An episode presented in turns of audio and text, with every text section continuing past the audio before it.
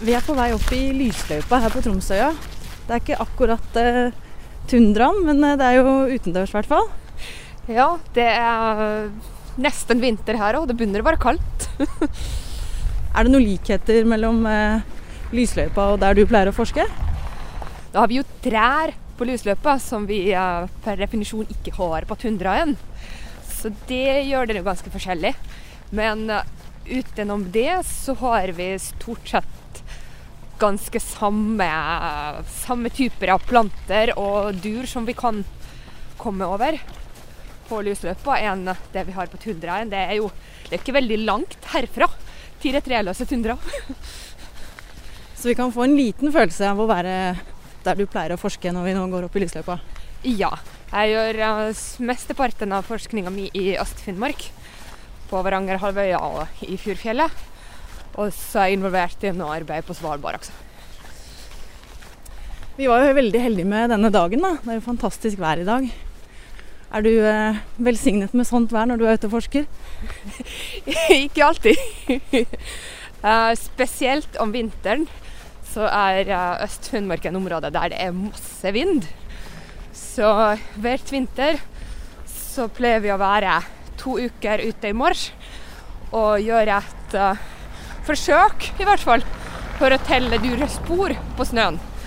Og da må man jo ha en natt uten vind og uten snøfall for å kunne se noen spor. Og det er ikke alltid at det går.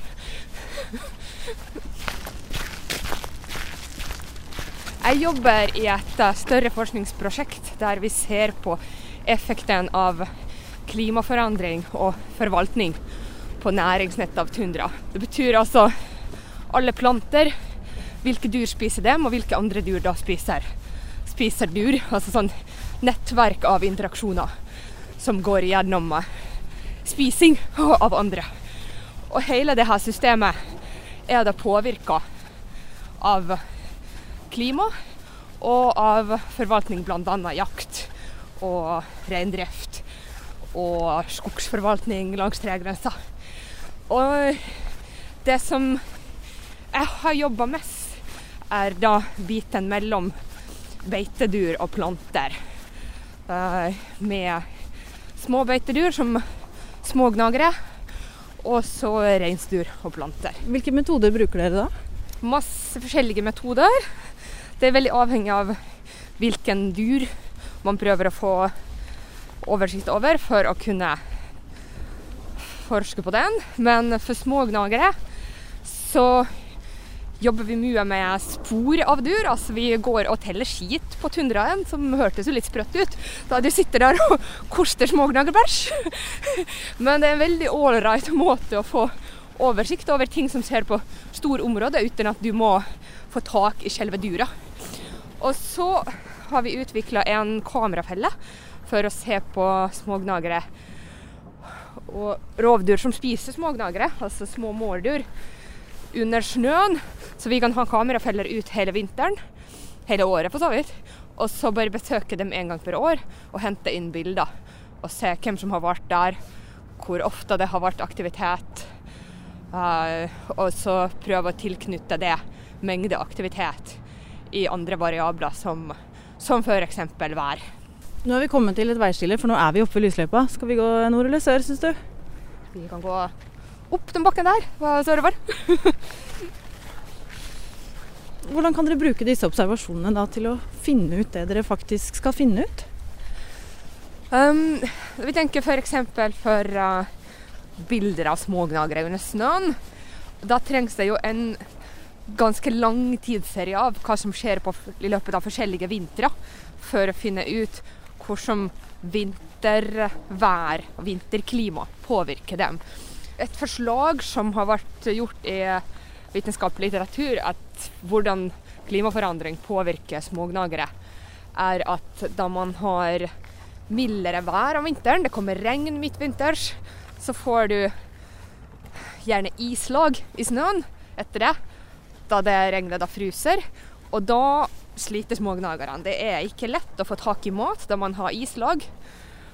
Og så kan det jo også bli bare rett og slett våt av regn. Og det er jo ikke veldig gunstig. eh, med tanke på hvor mye energi det da trenger for å holde seg varm.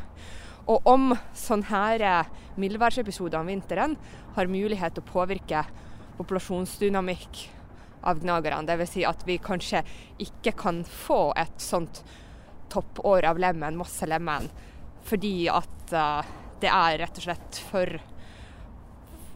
dårlig forhold om vinteren at de skulle klare å reprodusere. Med også altså kombinasjon av observasjoner av, av smågnagere og så værdata kan gi oss sånn type informasjon. Får dere noe dere ikke hadde forventet på disse opptakene? Ja. Nå prøver jo vi jo Må bare flytte oss fra en syklist her. prøver vi jo primært å se mengde aktivitet i de her boksene, men vi har sett en del av ganske morsomme um, atferd inni, inni boksene, særlig av mårdyr. Vi har sett uh, paring av røyskatt, vi har sett uh, røyskatt som spiser mus. Altså ting som Jo da, vi vet at det skjer i natur, men vi hadde ikke akkurat forventa at det skulle skje rett under kameralinsa vår.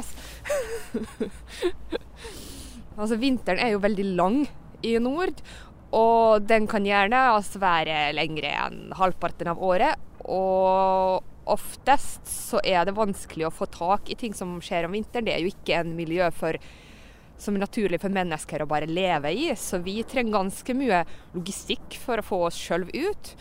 Og da er vi gjerne ute i korte perioder. Og vi kan ikke lett se hva som skjer under snøen. Da vi graver et hull gjennom snø, så forstyrrer vi hele snøstrukturen. De fleste smågnagerne har sikkert stukket ganske langt før vi har kommet oss ned i bakken.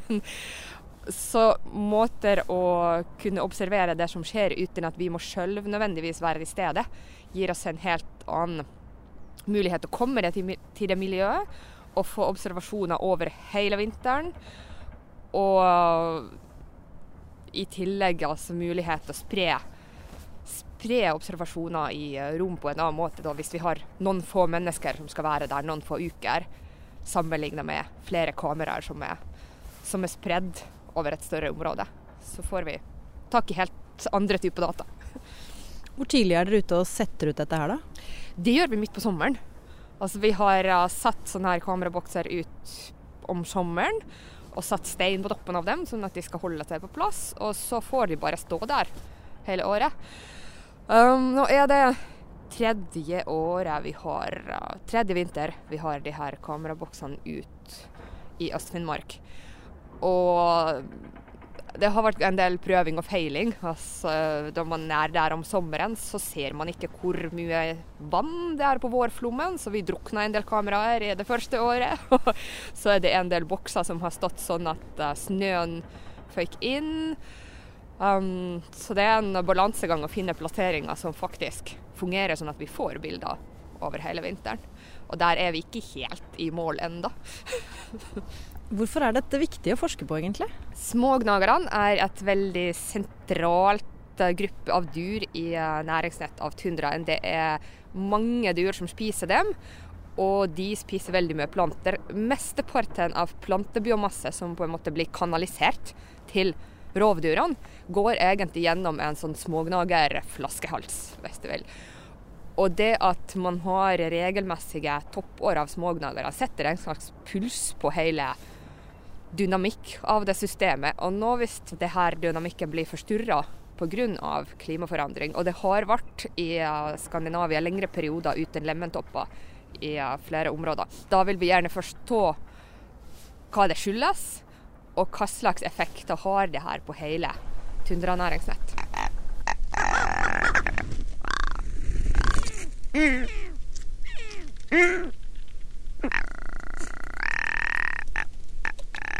Det her er et annet uh, bit av det observasjonssystem som vi holder på å sette opp for uh, å se på klimaeffekter på tundraen, der rype er en del av fokusartene og de interaksjonene som er sentrert rundt rype.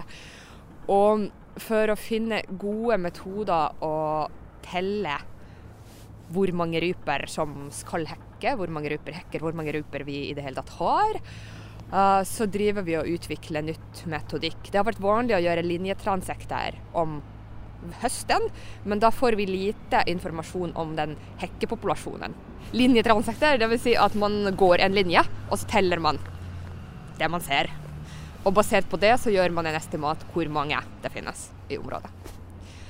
Og dette har um, Det har vært to masterstudenter i gruppa vår som har prøvd å gjøre det her om våren for å se på ryper som går i hekking, og det viser seg å være veldig vanskelig. Og en måte å gå rundt det her problematikken med at det er vanskelig å være på tundraen da, da våren kommer, når uh, rypene begynner å lage lud og være aktive, da man kunne telle dem. Uh, det er akkurat samme periode der snøen begynner å smelte og elvene går og åpner seg. og det, er ikke helt enkelt. Og så perioden flytter på seg, så du kan ikke helt vite på forhånd om du faktisk treffer den aktivitetsstoppen eller ei. Så en måte å gjøre det kunne ha vært å sette opp lydopptakere som kan stå der en lengre periode, uh, uten at mennesker trenger å prøve å kjøre scooter over åpne elver og annet småfarlig. Så det her er et testprosjekt som vi har i gang på Svalbard og, og på Varangerhalvøya. Så det som du hørte var svalbardryper fra fjorårets uh, første testing på Svalbard. Vi gikk jo ut her egentlig for å få en følelse av å være i naturen. Og så bråker og dunker det noe innmari fra alle maskinene som jobber her. Kan du beskrive hvordan det er på vidda når du er ute på felt? Det er nok en del mer stille. det kan bråke der òg, men da er det gjerne vind som bråker om vinteren.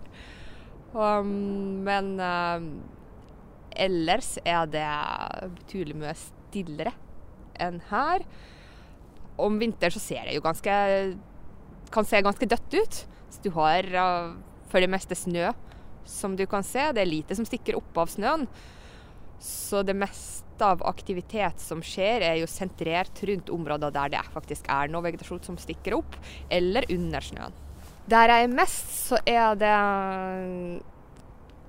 åpne vidder. Det er det er ikke veldig høye fjell, det er ganske rundt landskap med store partier av rabbe og hei. Og så har du elvedaler der det er mye frodigere på bunn. Og um, som vinteren så har jeg hele det her dekt av en hvit teppe, og du ser bare noen små skudd av vier som stikker opp på bunnen av de her større elvedalene. Og under der så bare yrer det av liv?